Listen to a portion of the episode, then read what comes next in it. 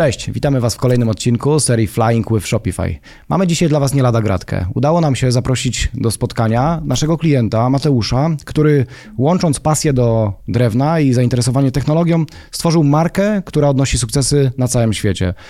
Porozmawiamy dzisiaj z nim o tym, jak to wszystko się zaczęło, jakie decyzje uważa za mm, kluczowe oraz jak widzi dalszy rozwój swojej firmy. Zapraszam Was do odcinka.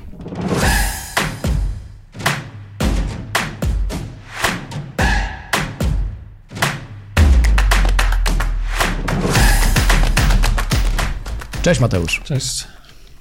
Cześć, cześć chłopaki. Dziękujemy Ci bardzo za to, że znalazłeś czas, aby spotkać się z nami i troszeczkę podzielić się swoją historią. Natomiast zanim przejdziemy już do tej właśnie historii, przedstaw się proszę, tak żeby wszyscy, wszyscy wiedzieli, z kim mamy dzisiaj spotkanie. Jasne. E, jestem Mateusz, e, jestem założycielem e, marki Oakwood, którą z którą wystartowałem w 2017 roku. Osobiście e, mam background technologiczny, studiowałem informatykę i ekonometrię, e, jednak w trakcie studiów zorientowałem się, że chcę prowadzić biznes, chcę być przedsiębiorcą i e, stwierdziłem, że otworzę sklep internetowy.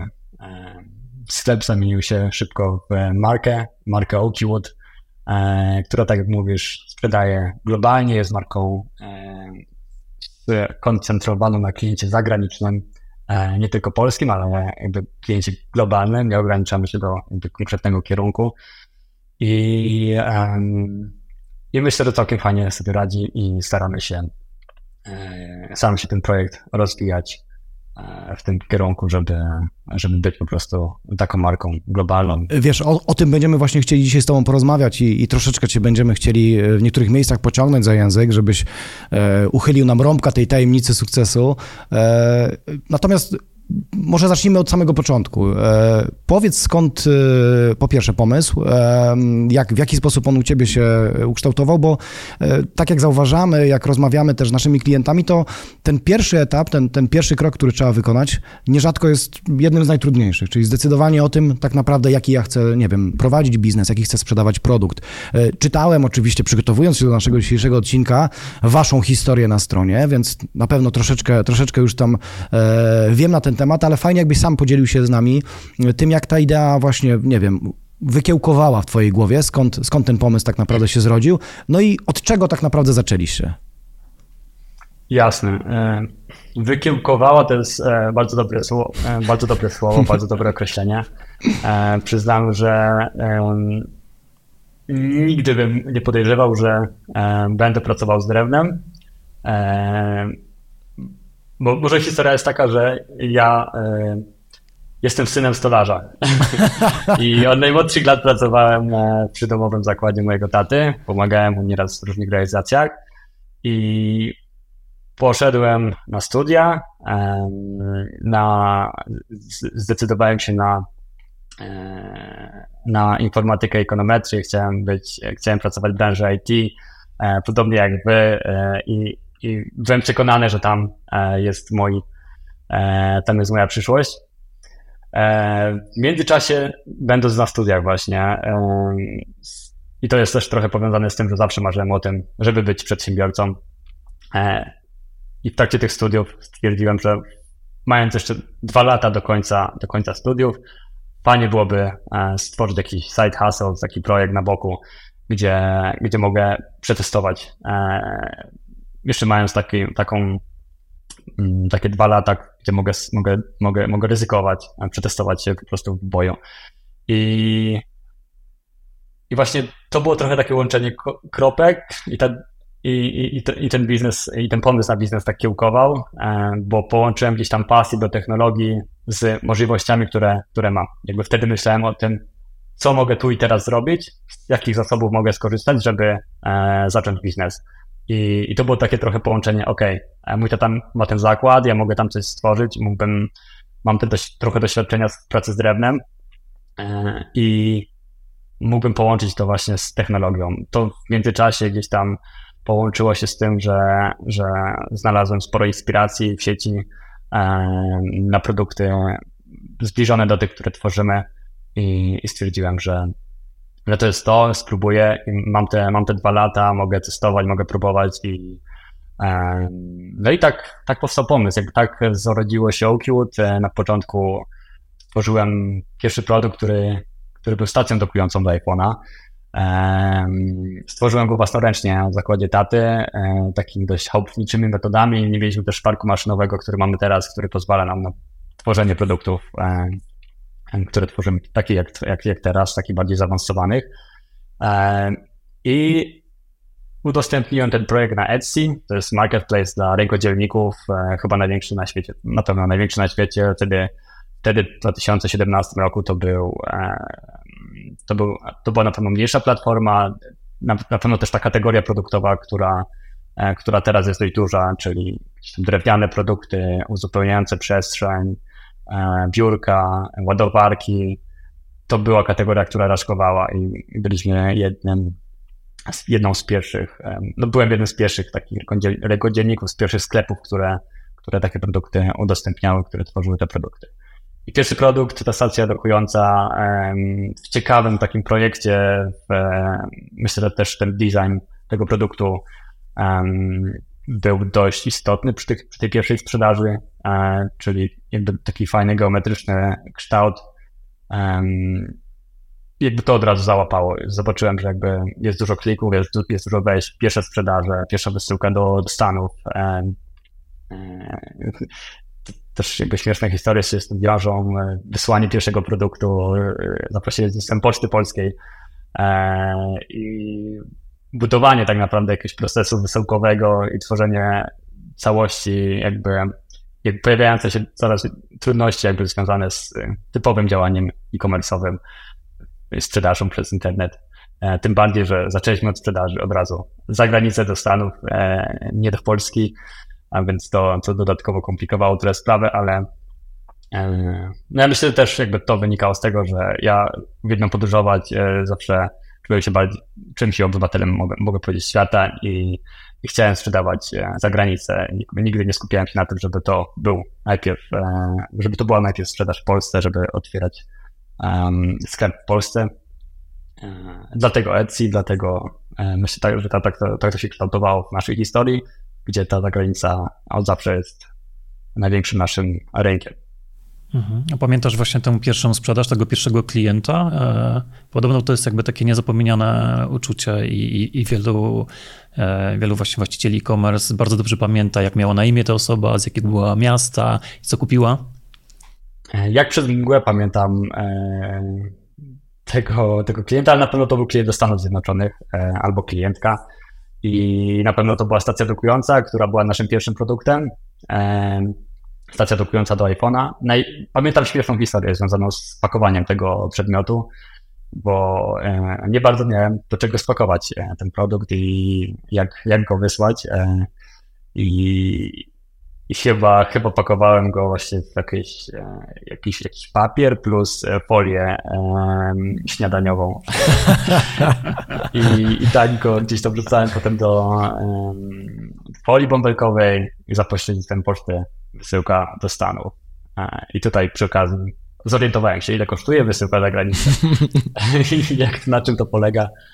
Um, tak, no jakby to był, to był, to, takie mam wspomnienia z pierwszą sprzedażą i myślę, że kilka pierwszych sprzedaży to, to właśnie były, były podobne, podobne historie. Gdzieś tam kombinowałem, na czym to, orientowałem się, na czym to polega, jak, jak to, um, jak to wygląda i to był też taki fajny okres, że, że wydaje mi się, że to był wrzesień, październik, chwilę przed świętami i potem szybko tych sprzedaży było coraz więcej, coraz więcej. I mhm. Właśnie, Mateusz, to naprawdę takie... jest początkowo ekscytujące, y, ekscytujące jak, jak się otrzymuje te zamówienia. Wiesz co, takie pytanie mi się właśnie z tym, z tym od razu związało, e, wiąże, bo sam wspomniałeś, że chciałeś tak naprawdę spróbować e, znaleźć sobie dla siebie takie trochę miejsce, przetestować e, pewny, pewny potencjał, który, który widziałeś, a w którym momencie właśnie od tej pierwszej sprzedaży zaczęło u ciebie pojawiać się taka idea, że to rzeczywiście może zacząć e, się przeradzać w, w biznes, nie? że wokół tego e, fajnie się zacząć profesjonalizować, że to nie jest, albo nie chcę, żeby była to tylko i wyłącznie jakaś, nazwijmy to może brzydką, ale chałupnicza praca, e, tylko, tylko że widzisz w tym potencjał. Mhm. Szczerze, od razu. to się czuje. Od, ra od, od razu jakby, jakby to się czuje. Myślę, że myślę, że jakby czułem od razu, że tutaj jest, jest, jest tym duży potencjał. Myślę, że też okres, w którym wystartowałem, był e, szczególnie ważny. To mhm. był okres chwilę przed świętami i to pozwoliło na to, że, że ta sprzedaż szybko się rozchorała. Ja szybko e, stworzyłem kilka produktów e, podobnych wizualnie, pasujących do siebie, e, które trochę się uzupełniały i, i, i, i tą sprzedaż było widać. Jakby to było czasem kilka zamówień dziennie w szczycie e, gdzieś tam pewnie to był listopad, grudzień. Mhm. I, I szybko myślałem o tym, żeby, żeby tworzyć wokół tego biznes. Ja dużo czytałem wcześniej, myślę, i gdzieś tam ja, mm, otaczałem się jakby treściami e, który, takimi przedsiębiorczymi, takimi, które, e, które marketingowymi. Byłem też w organizacji studenckiej, gdzie, e, gdzie de facto e, uczyliśmy się takich zdolności przedsiębiorczych, liderskich i wydaje mi się, że to środowisko, w którym byłem, to po prostu to po prostu pozwoliło mi na to, żeby od razu myśleć o tym, jak z tego, co jest, tworzyć dalej, co, co dalej, jak tworzyć markę i w którą stronę tak naprawdę pchać ten projekt. W porządku. Mam takie pytanie, bo wydaje mi się, to też jest bardzo ciekawe. W momencie, kiedy e, zorientowałeś się, że produkt i oferta, którą masz, znajduje swojego odbiorcę, czyli jest potencjał w tym, żeby z tego stworzyć konkretny biznes, to czy od samego początku usiadłeś sobie i nie wiem, zamknąłeś się na kilka dni w biurze, wypracowując przy tym strategię Twojej firmy, tego jak chcesz, żeby ona wyglądała, jak chcesz, żeby się rozwijała, na co chcesz postawić, kto jest Twoim klientem, czyli tak modelowo, czy raczej podszedłeś do tego troszeczkę takimi krokami i, i w, był to proces bardziej ciągły, rozciągnięty na przykład właśnie na, na obszar, nie wiem, na, na okres jakichś kilku miesięcy, e, reagujący na to, co się dzieje, jak właśnie ta sprzedaż się kształtuje. Jak to w Twoim przypadku wyglądało? Myślę, że zdecydowanie to drugie. E, ja chyba nie jestem takim typem, typem osoby, która lubi działać e, tak, aż tak zorganizowanie. Może też nie jestem jakimś e, super niezorganizowanym super zorganizowaną osobą, ale wydaje mi się, że to się działo bardziej ad hoc, bardziej, bardziej działam impulsowo i myślę, że tak też trochę rozwijałem ten projekt. Trochę może myśląc, że, że chcę kuć żelazo póki gorące i, i ważne było dla mnie wtedy rozwój na tej konkretnej platformie i poszerzanie oferty produktowej i wzrost sprzedaży. Myślę, że na tym się na początku mhm. skupiałem. Wiedziałem, że chcę budować markę, że chcę tworzyć, tworzyć, tworzyć markę tak naprawdę wokół tego, co, co powstawało, ale wtedy chyba na początku na, na tym się nie skupiałem. Myślę, że to, to też jakby przez to też Później powstała trochę strona internetowa sklepu e, i najpierw ta, ta sprzedaż fokusowała się na, na tych marketplace'ach, na, na tym Etsy szczególnie, co doprowadziło do pewnych problemów, ale może, może za tym, o tym za chwilę. Ja chciałem zapytać właśnie, jak wyglądała mm, ta droga e, od jednej osoby do, do tego miejsca, gdzie, gdzie jesteście teraz, bo w tej chwili Oakwood to jest, zdaje się, kilkadziesiąt osób już, prawda? Prawie 30 osób. No to kilkadziesiąt, może. Tak, tak, tak dokładnie. Podtrzymuję. E, chciałem właśnie się dopytać o to, e, kiedy, kiedy właśnie zatrudniłeś e, pierwszą osobę i w jakim tempie mniej więcej ten wzrost się odbywał? Kiedy zatrudniłem pierwszą osobę? Dość szybko, bo wydaje mi się, że mógłbym powiedzieć, że w momencie, w którym dołączył do mnie brat, teraz mój wspólnik, to i w pewnym sensie to była pierwsza osoba, którą zatrudniłem. Ja, tak jak mówiłem, Studiowałem wtedy jeszcze w Krakowie. E, firma jest zlokalizowana w Cichem, w miejscowości rodzinnej na Podhalu i wszystkie produkty powstały, powstawały i częściowo dalej powstają tam przy, do, przy domowym warsztacie mojego taty. E, brat był na miejscu, e, kończył jeszcze szkołę średnią i, i dołączył do mnie w pewnym sensie na początku bardziej jako, jako pracownik, i pomagał mi, pomagał mi z realizacją tych produktów. E, więc dość szybko musiałem, musiałem powiedzmy zatrudniać ludzi, bo tą część produkcyjną dość szybko w przeciągu pierwszego roku musiałem mm, powiedzmy outsourcować albo tak naprawdę przekazać się pracownikom komuś innemu. Potem nastąpiła wysyłka i też zatrudnienie kogoś do wysyłki tych produktów. Więc myślę, że ten proces był dość szybki. Przez pierwszy rok można powiedzieć, że działałem, działałem sam. E, jeśli chodzi o takie działania operacyjne i komersowe, to tutaj dość długo zwlekałem z zatrudnianiem pierwszych osób i, i de facto sam e, tworzyłem, budowałem markę, tworzyłem sklep, e, tworzyłem reklamy. I chyba pierwsza osoba zatrudniona w takich procesach sprzedażowo i komersowych to, była, to było w 2020 roku. O, to mhm. rzeczywiście. E, czyli po trzech latach, e, mhm. po trzech latach od założenia, założenia firmy. Mm, to ciekawe. A słuchaj, to też myślę jest, jest taki częsty przypadek, jeżeli mówimy o skalowaniu, bo to skalowanie, o którym ty wspomniałeś, czyli od jednego do blisko 30 osób na przestrzeni no, kilku lat tak naprawdę, myślę, że mogło nieść ze sobą pewne ryzyka podejmowanych decyzji. O tak to nazwijmy e, delikatnie. Czy tak z perspektywy czasu e, dzisiaj, jak patrzysz sobie na ten proces e, rozwoju Twojej firmy i tego, jakie etapy miałeś, miałeś masz już za sobą, czy czujesz, że podjąłeś, nie wiem, zawsze dobre decyzje, czy z perspektywy czasu y, coś byś chciał tutaj zmienić, coś byś chciał, nie wiem, zrobić w innej być może kolejności, może w innym tempie, e, czyli jednym słowem obnażamy twoje słabości, z czym czujesz się, że mogłeś zrobić to po prostu lepiej, ale no, czasu się nie wróci.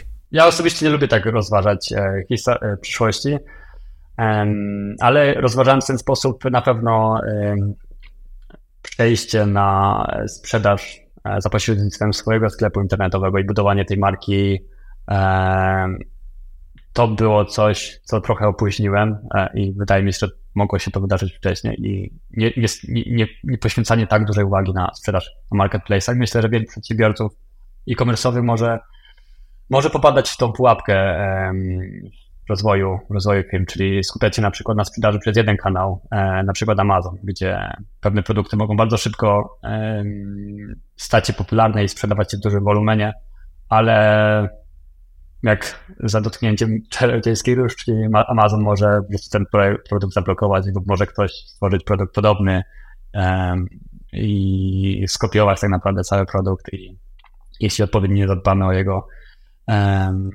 o jego ochronę, to, to może nas bardzo łatwo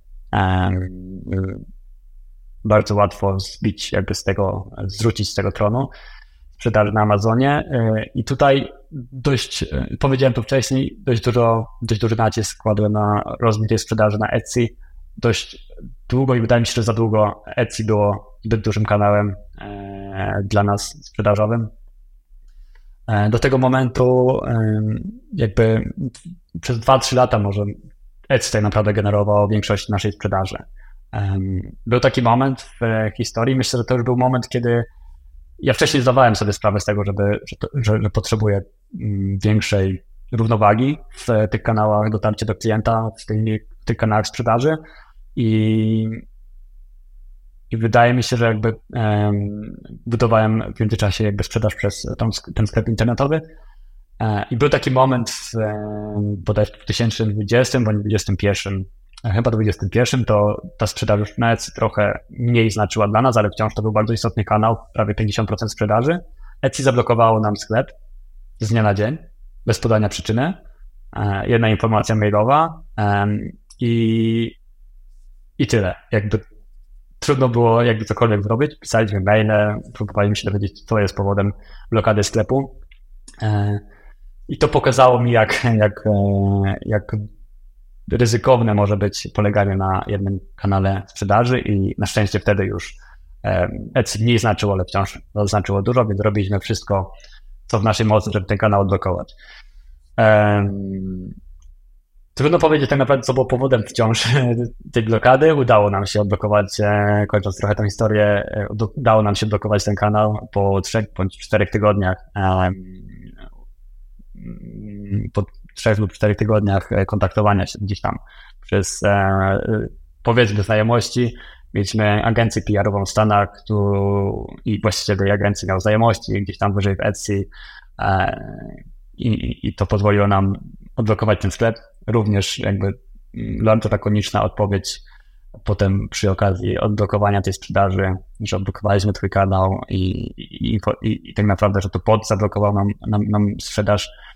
E, no, co jest śmieszne, ale tak naprawdę jakby to po, i, i też czytałem w międzyczasie wiele historii sprzedawców na Etsy, którzy polegali tylko i wyłącznie na tym kanale i, i tak naprawdę to są historie e, historie naprawdę dramatyczne, bo, bo, bo, bo ludzie całe życie układałem sobie wokół, wokół tego biznesu. To jest ich główne, główne źródło przy, przychodu, główne źródło dochodu i, i z dnia można je stracić.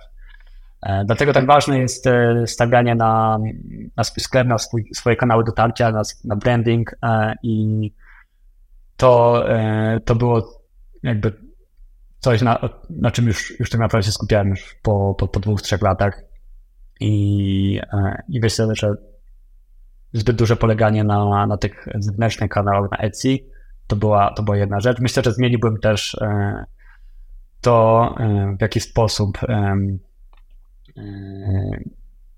docieramy do klientów. Wcześniej tworzyłbym, zachęcałbym ludzi do zapisywania się na, na newsletter, do zdobywania tych klientów, do, do zdobywania maili klientów. To jest też super ważne, żeby E, na samym, od samego początku budować listy mailingowe, żeby mieć, e, mieć tych, mieć, mieć, mieć klientów, który, którzy byli już na stronie i jakby jeśli płacimy za ruch, żeby w jakiś sposób ślad, jakiś ślad po nich pozostał, zachęcić ich do zapisania się. Obecnie prawie 40-50% naszych dochodów jest powiązane z procesami mailingowymi, z automatycznymi mailami, czy, czy po prostu z naszą listą mailingową. E, dlatego, e, dlatego myślę, że na tym bym się, na tym bym się skupiał. Świetnie. Mega, mega, ciekawe. Jestem właśnie tak e, E, bardzo ciekawy te, tej struktury e, też tych przychodów w podziale właśnie na, na te kanały, bo to jest 40-50% właśnie w, jeśli idzie o, o, e-mail i jakieś tam automatyzację właśnie tych, tych wysyłek, podejrzewam, e, to, to jest bardzo dużo. No i to tylko pokazuje tego, siłę, siłę tego narzędzia, jeżeli jest to zrobione dobrze. Bardzo często się właśnie mówi o tym, że, że e-mail marketing jest martwy, no ale jesteście przykładem na to, że jeżeli jest to robione dobrze, to to działa.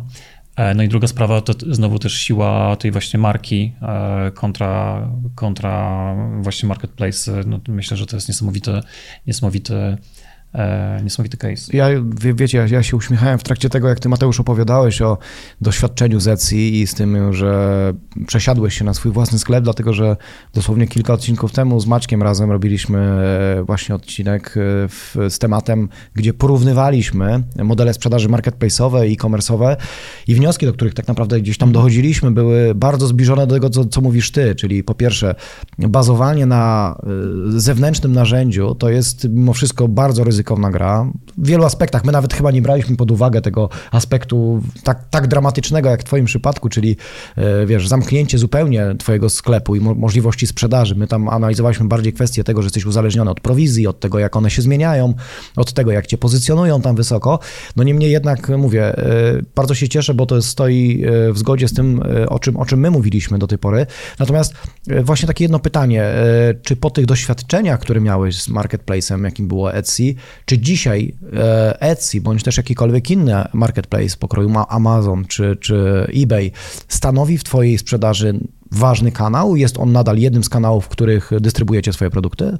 Jasne, jakby to wciąż są kanały sprzedaży. E, przy czym nawet trochę nie z, nie z naszych e, względów, nie ze względu na nasze działania, Etsy stało się bardzo mało znaczącym dla nas kanałem. Myślę, że to wynika głównie z tego, jak wzrosła tam e, konkurencja podobnych produktów i jak bardzo te kategorie produktów się rozrosły i trudno jest konkurować z naprawdę tani, zalewem tanich produktów. Więc, e, więc jakby wciąż to są kanały naszej sprzedaży, jednak bardzo mocno zdywersyfikowaliśmy te, te kanały dotarcia i Amazon i Etsy. Myślę, że teraz Amazon trochę większą część sprzedaży niż Etsy, ale to są raczej 10-20% naszej sprzedaży, mhm. większość sprzedaży pochodzi z, z naszego sklepu internetowego. to było coś, nad czym pracowaliśmy od trzech lat, żeby, żeby tą dystrybucję trochę zmienić.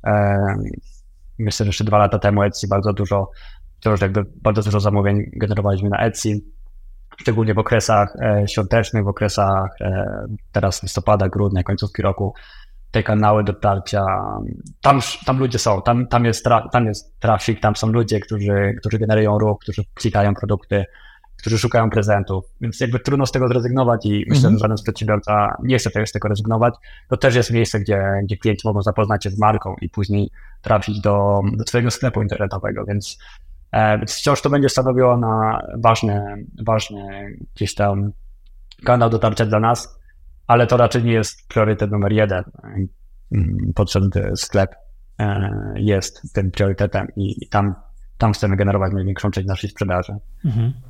Ja chciałbym odwrócić troszeczkę pytanie Tomka e, o te, o te właśnie gdzieś tam błędy czy lekcje i chciałem się ciebie zapytać, czy e, w czym jakbyś w czym byś się upatrywał przyczyn powodzenia, nie? Jakby co zrobiliście dobrze i czego właśnie inni mogliby się od was uczyć? Mówisz w kontekście bardziej sprzedaży? W kontekście ogólnie kanałach, rozwoju, czy... Tak, w kontekście rozwoju i wzrostu firmy, e, czy nie wiem, czy obsługa klienta, czy, czy też właśnie jak, jakość produktu być może, czy co, co, co, co poszło, co, co poszło, dobrze. Co poszło dobrze.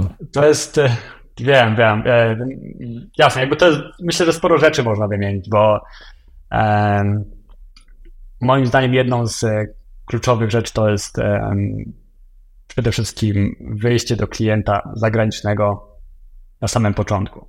Jakby dla mnie nigdy priorytetem nie było. Myślę, że to jest szczególnie cecha polskich przedsiębiorców, że najpierw chcemy działać w Polsce, na lokalnym rynku. To jest pokłosie może tego, że Polska jest bardzo dużym rynkiem i stosunkowo łatwo jest robić sprzedaż w Polsce. Jest duży rynek zbytu.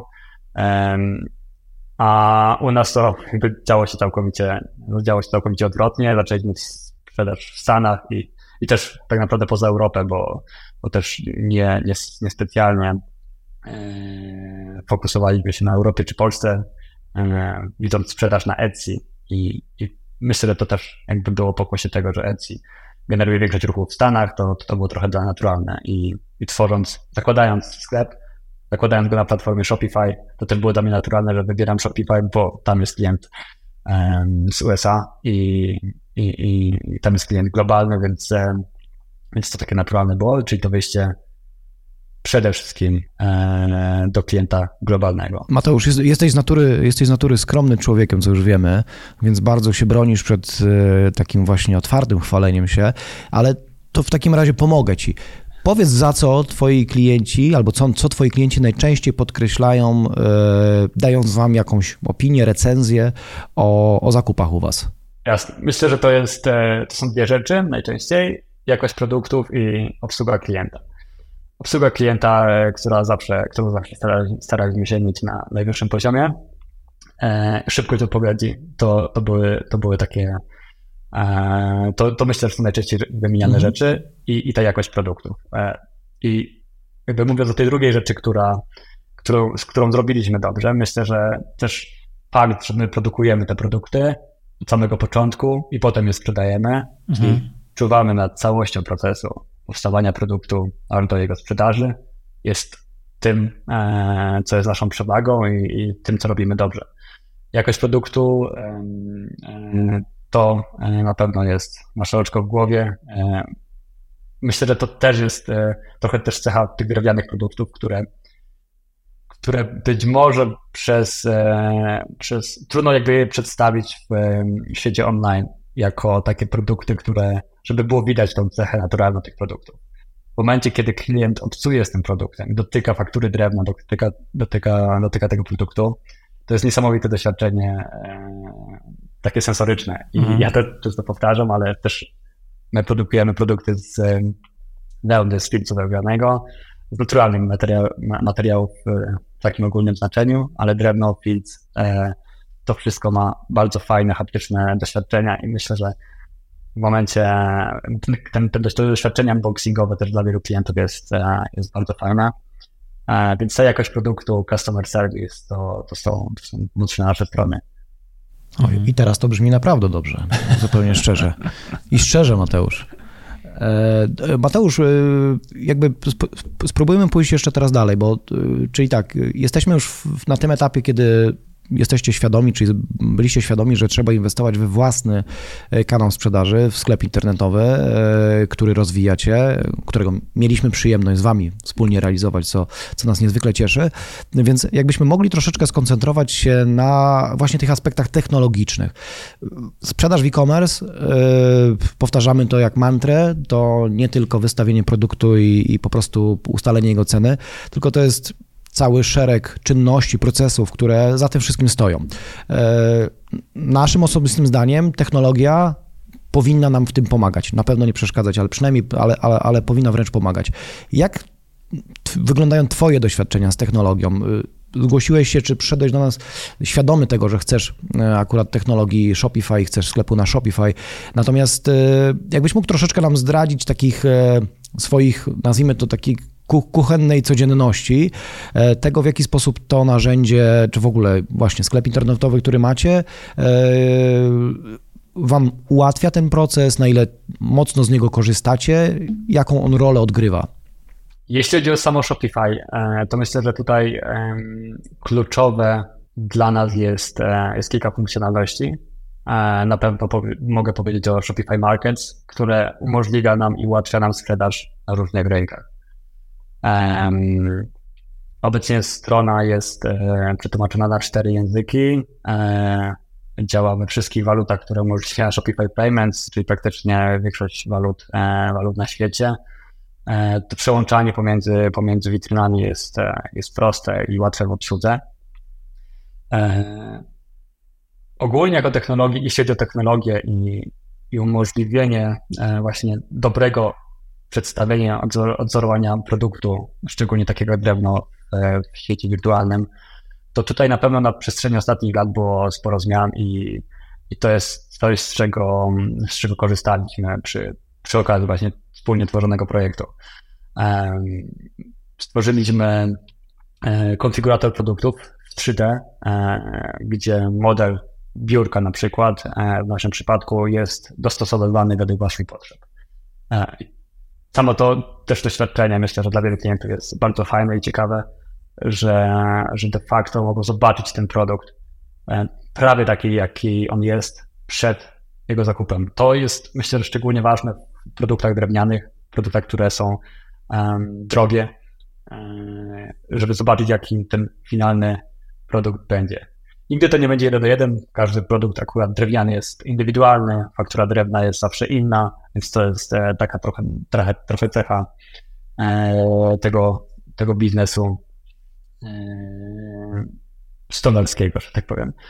Ale, ale, ale myślę, że tak, że, że, że możliwość przedstawienia tych produktów w wirtualnym świecie w 3D to jest, to jest coś, z czego korzystamy. Też mamy obecnie modele produktów w rozszerzonej rzeczywistości, które można e, na naszej stronie przeglądać e, za pośrednictwem telefonu. Oczywiście można sobie wrócić biurko do, do, do swojego pokoju i, i, przetestować, jak, jak to się sprawdza.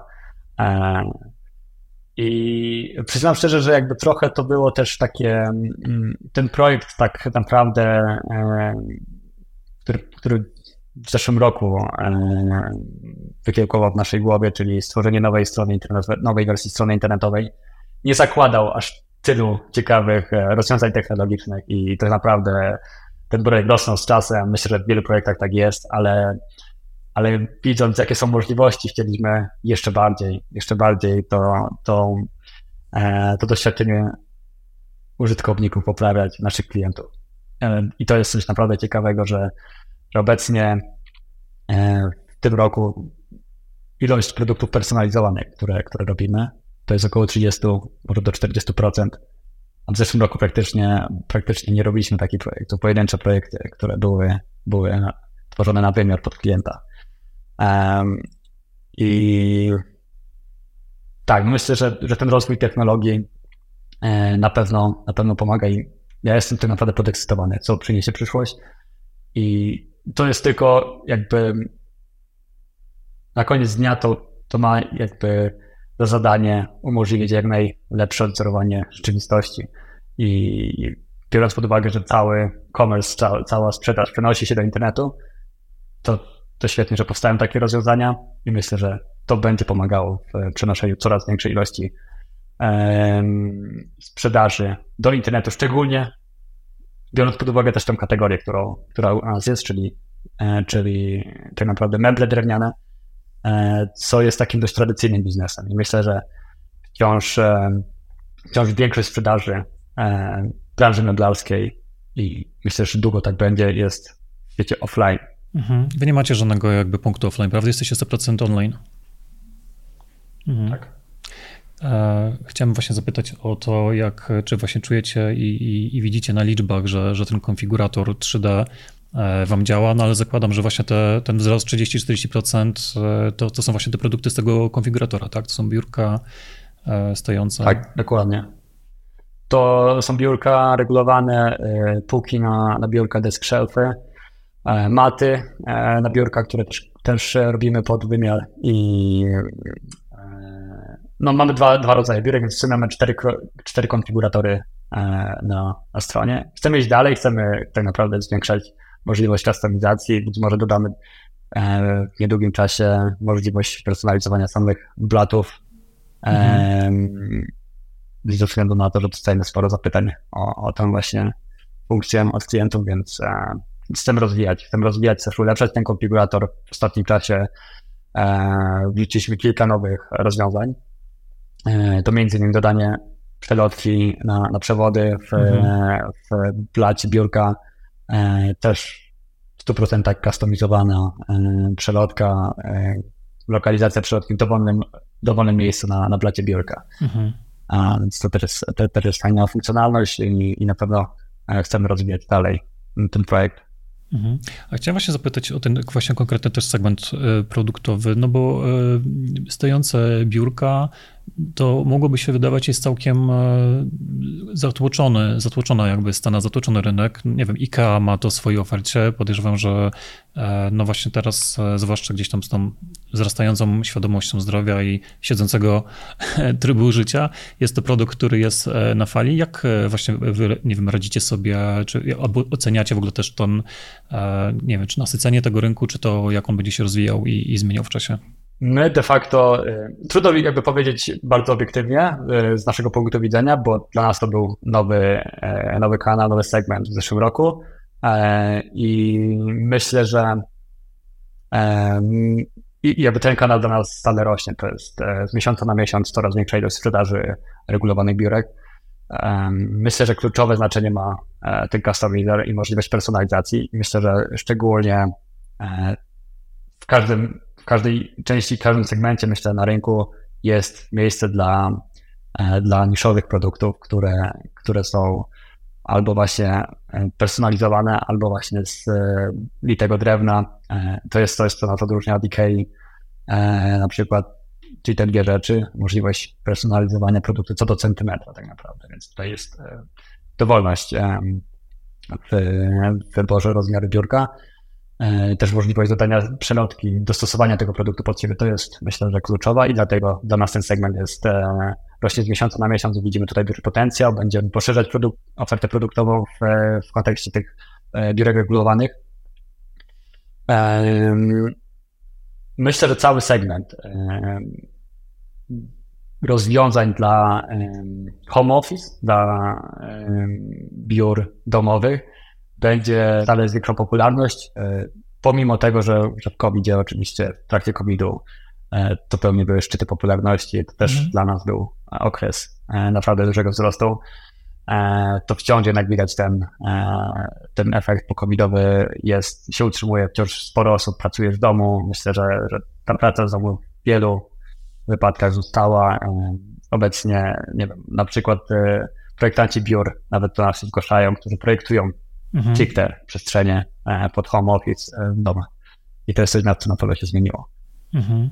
No tak właśnie tak myślę, że ciężko będzie, chociaż niektóre firmy próbują zaganiać z powrotem e, pracowników do, do, do biur, ale no tutaj wystarczy chyba, trzeba im życzyć powodzenia. Bo, tak, ciężko odwrócić ten trend już w tym Tak, momencie, bo ten to jest raczej nie, nieodwracalny. E, no właśnie chciałem też jeszcze dopytać o tą, e, o, wracając do tej troszeczkę struktury sprzedaży, mówisz o tym, że pracujecie tutaj z różnymi architektami, czy wy też jakby robicie B2B, czy, czy to jest jednak głównie B2C?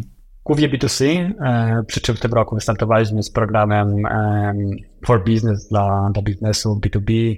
E, zawsze gdzieś tam ten kanał B2B dla nas istniał. Tworzyliśmy różne personalizowane projekty, e, na przykład personalizowane ładowarki na jakiś event, na, na, na gifty dla firm, więc ten gdzieś tam kanał dla nas istniał. Przy czym pewnego czasu uznaliśmy, że warto rozszerzyć też taką ofertę i jakby wykorzystać nasze mocne strony, czyli tą personalizację, którą umożliwiamy, naszą stronę internetową, która jest e, fajnym narzędziem do tworzenia tych projektów e, i połączenia tego gdzieś tam z ofertą B2B. E, I mamy konta wholesale, konta hurtowe, które możemy zakładać klientom na stronie. Oni mogą zamawiać z zniżką, mogą personalizować te projekty bezpośrednio na stronie, zamówić bezpośrednio do klienta, więc e, jakby myślę, że to jest, to, to też umożliwiło, umożliwiło nam nowe rozwiązanie Shopify, które, które w zeszłym roku się pojawiło. Ale chcieliśmy właśnie ten e, dość tradycyjny też model e, sprzedaży B2B w taki bardziej zautomatyzowany sposób przeprowadzić i, i w związku z tym powstał właśnie taki program, gdzie gdzie, klienci B2B mogą u nas e, zamawiać te produkty bezpośrednio na stronie z, z, z specjalną ceną, e, otrzymają u nas próbki e, produktowe, materiałowe i, i też opiekę, opiekę kliencką. Um, I to jest kanał, który chcemy, żeby rosnął u nas. Obecnie nie ma dużego znaczenia jeszcze, ale zauważyliśmy też, tak jak mówiłem, w tym roku, w zeszłym roku, że jest taka potrzeba na rynku, że projektanci wnętrz architekcji szukają e, ciekawych rozwiązań dla home office, dla, dla, dla przestrzeni w domu, która jest aranżowana przy, pod przyszłe e, biuro do, do pracy zdalnej. I, no i, i w związku z tym właśnie weszliśmy e, z, takim, z takim programem. To dość tak naprawdę chyba naturalnie nam wiąże się z takim pytaniem może troszeczkę szerszym. E, czy możesz się z nami podzielić tym, jakie plany jako, jako firma macie na najbliższy, nie wiem, lata tak naprawdę waszego rozwoju? Czy idziecie, czy będziecie chcieli iść w kierunku rozszerzenia gamy produktowej, być może czegoś zupełnie nowego, a może właśnie ta koncentracja, tak jak powiedziałeś, na, na klientach B2B i dopasowaniu tej oferty do trochę innej grupy klientów, bo to też jest jakby nie mówić, dywersyfikacja waszego biznesu. Tak jak dywersyfikacją są różne kanały sprzedaży, tak w tym momencie segment klienta biznesowego to też jest taka, nazwijmy to osobna zupełnie szuflada. E, czy możesz się z nami podzielić właśnie takimi e, waszymi pomysłami na to, co, co chcecie robić dalej? Na pewno e, poszerzanie gamy produktów to jest, to jest clue, to jest jakby to, na czym się skupiamy w tym roku i w przyszłym roku pewnie. Mamy planach i, i tak naprawdę już w pewnym sensie w realizacji, w projektowaniu e, nowe produkty, e, które chcemy wprowadzić w przyszłym roku przede wszystkim.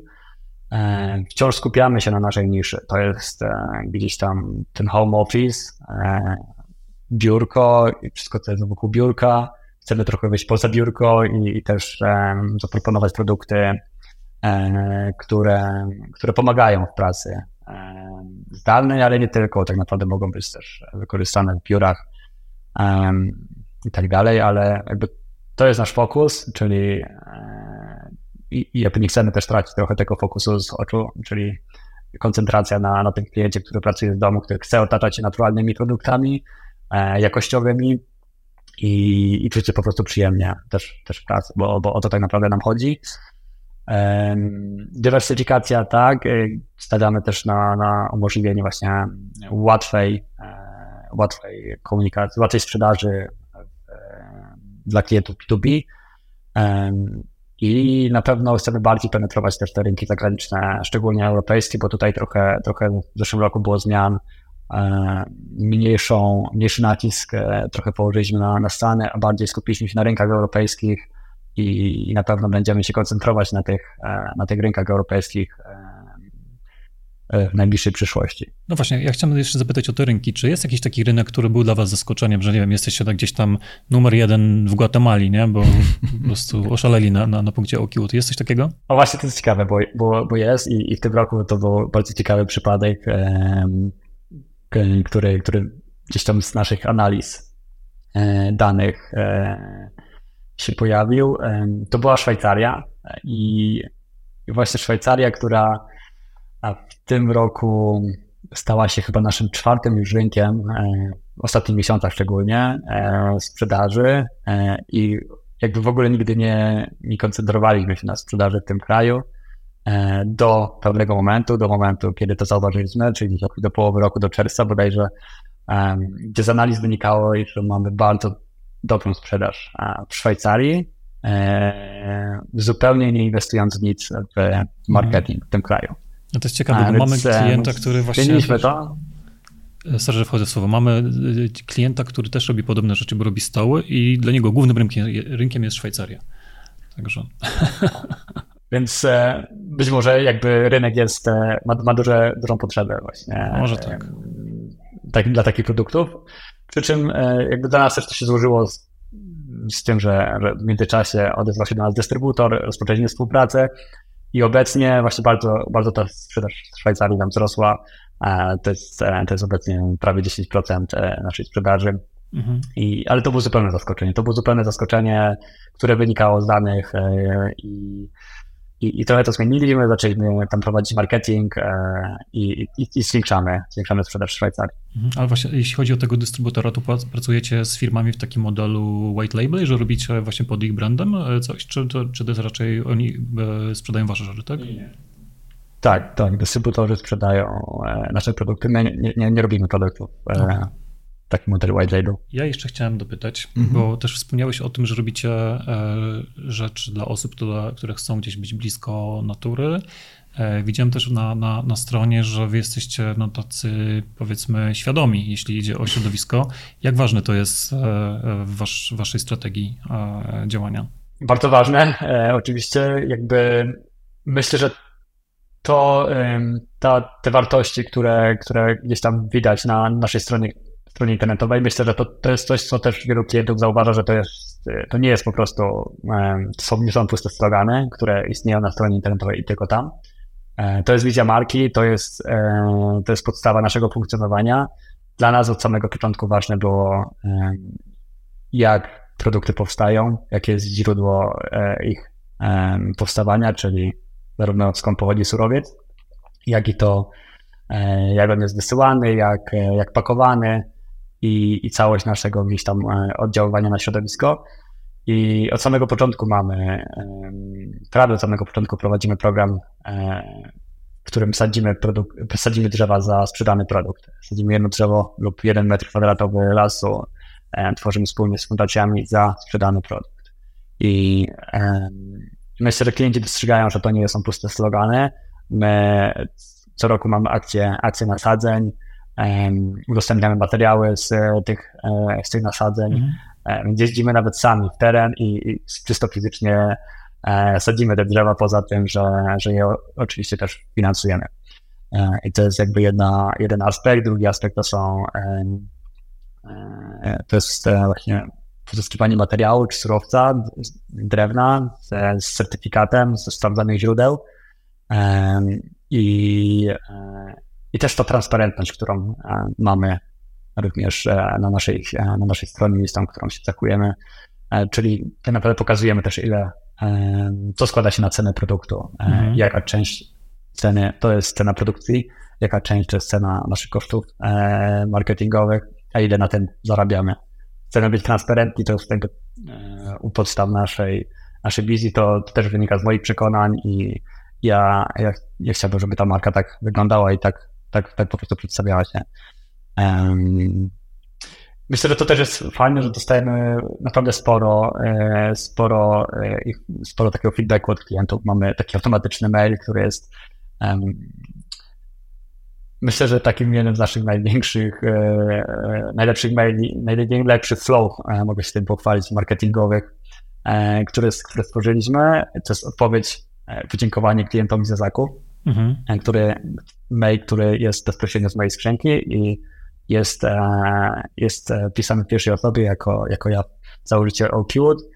Um, i dostaję naprawdę mnóstwo odpowiedzi na, na to, na to form marketingowe od, od klientów, którzy, którzy piszą, że są zachwyceni jakby tym, że, że mamy takie wartości i to jest jeden z powodów, dla których kupują nas produkty mhm. i, i, dziękują nam za istnienie tak naprawdę. To są często wiadomości, dzięki, że jesteście, dzięki, że mogę u was kupić ten produkt. To jest Naprawdę nic, nie ma nic lepszego niż, niż taki feedback. Super, piękna historia. No, jestem w stanie sobie to wyobrazić. Mhm. Słuchajcie, myślę, że tak powoli dopływamy e, do końca. Z reguły w tym miejscu e, my wysilamy się razem z Maćkiem nad jakimś ładnym podsumowaniem odcinka, ale tym razem mając tutaj ciebie, Mateusz, e, na tej rozmowie, w ramach takiego podsumowania mamy taką prośbę. Być może możesz, nie wiem, podzielić się taką swoją, nazwijmy to, biznesową radą dla osób, które albo myślą o swoim e-commerce, albo już go prowadzą, ale powiedzmy w trochę mniejszej skali. E, jak powinni się e, do tego, nie wiem, przygotować, nastawić? Jak, jak, jak ustawić takie swoje myślenie o, e, o prowadzeniu e-commerce? Jasne. No myślę, że mam jedną kluczową poradę i to jest trochę odwracając to powiedziałeś, nigdy e, się nie przygotujesz, nigdy nie będziesz w 100% gotowy, po prostu zacznij.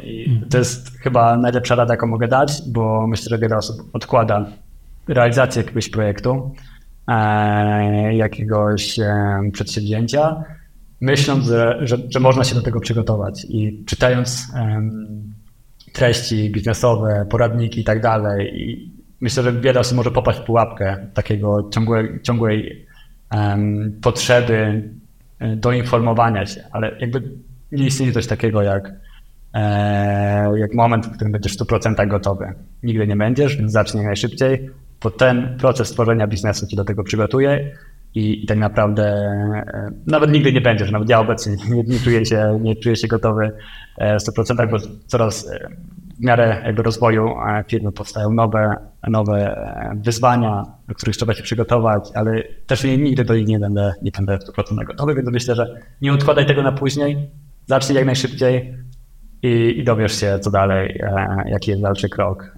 rozkminisz to i, i, i tyle.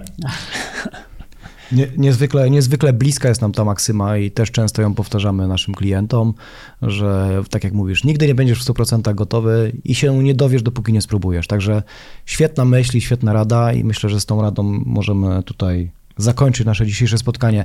E, Mateusz, ogromne, ogromne podziękowania Wielkie dla dzięki. Ciebie za to, że znalazłeś czas w swoim, mimo wszystko, myślę, całkiem nieźle zabieganym i poukładanym e, biznesowo życiu i podzieliłeś się z nami e, naprawdę wieloma cennymi uwagami i wskazówkami dla osób, które, no myślę, będą chciały Cię też naśladować, bo, bo dla wielu firm na pewno jesteście e, marką, którą, na której ktoś chcą, chcą się wzorować, chcą powtórzyć Wasz sukces. Także raz jeszcze ogromne, ogromne podziękowania za Twoją obecność i za, za Twój czas. Wam również dziękuję bardzo Dzięki. za oglądnięcie tego odcinka. Wierzymy w to, że był dla Was on tak samo atrakcyjny jak dla nas i informacje, które tutaj, z którymi Mateusz nami się podzielił, będą również dla Was e, bardzo cenne i istotne. Oczywiście, jak zwykle, liczymy na Wasze komentarze, na opinie i propozycje e, z Waszej strony, o czym chcielibyście posłuchać w, nasze, w trakcie naszych odcinków. Także bardzo dziękujemy Wam za dzisiaj.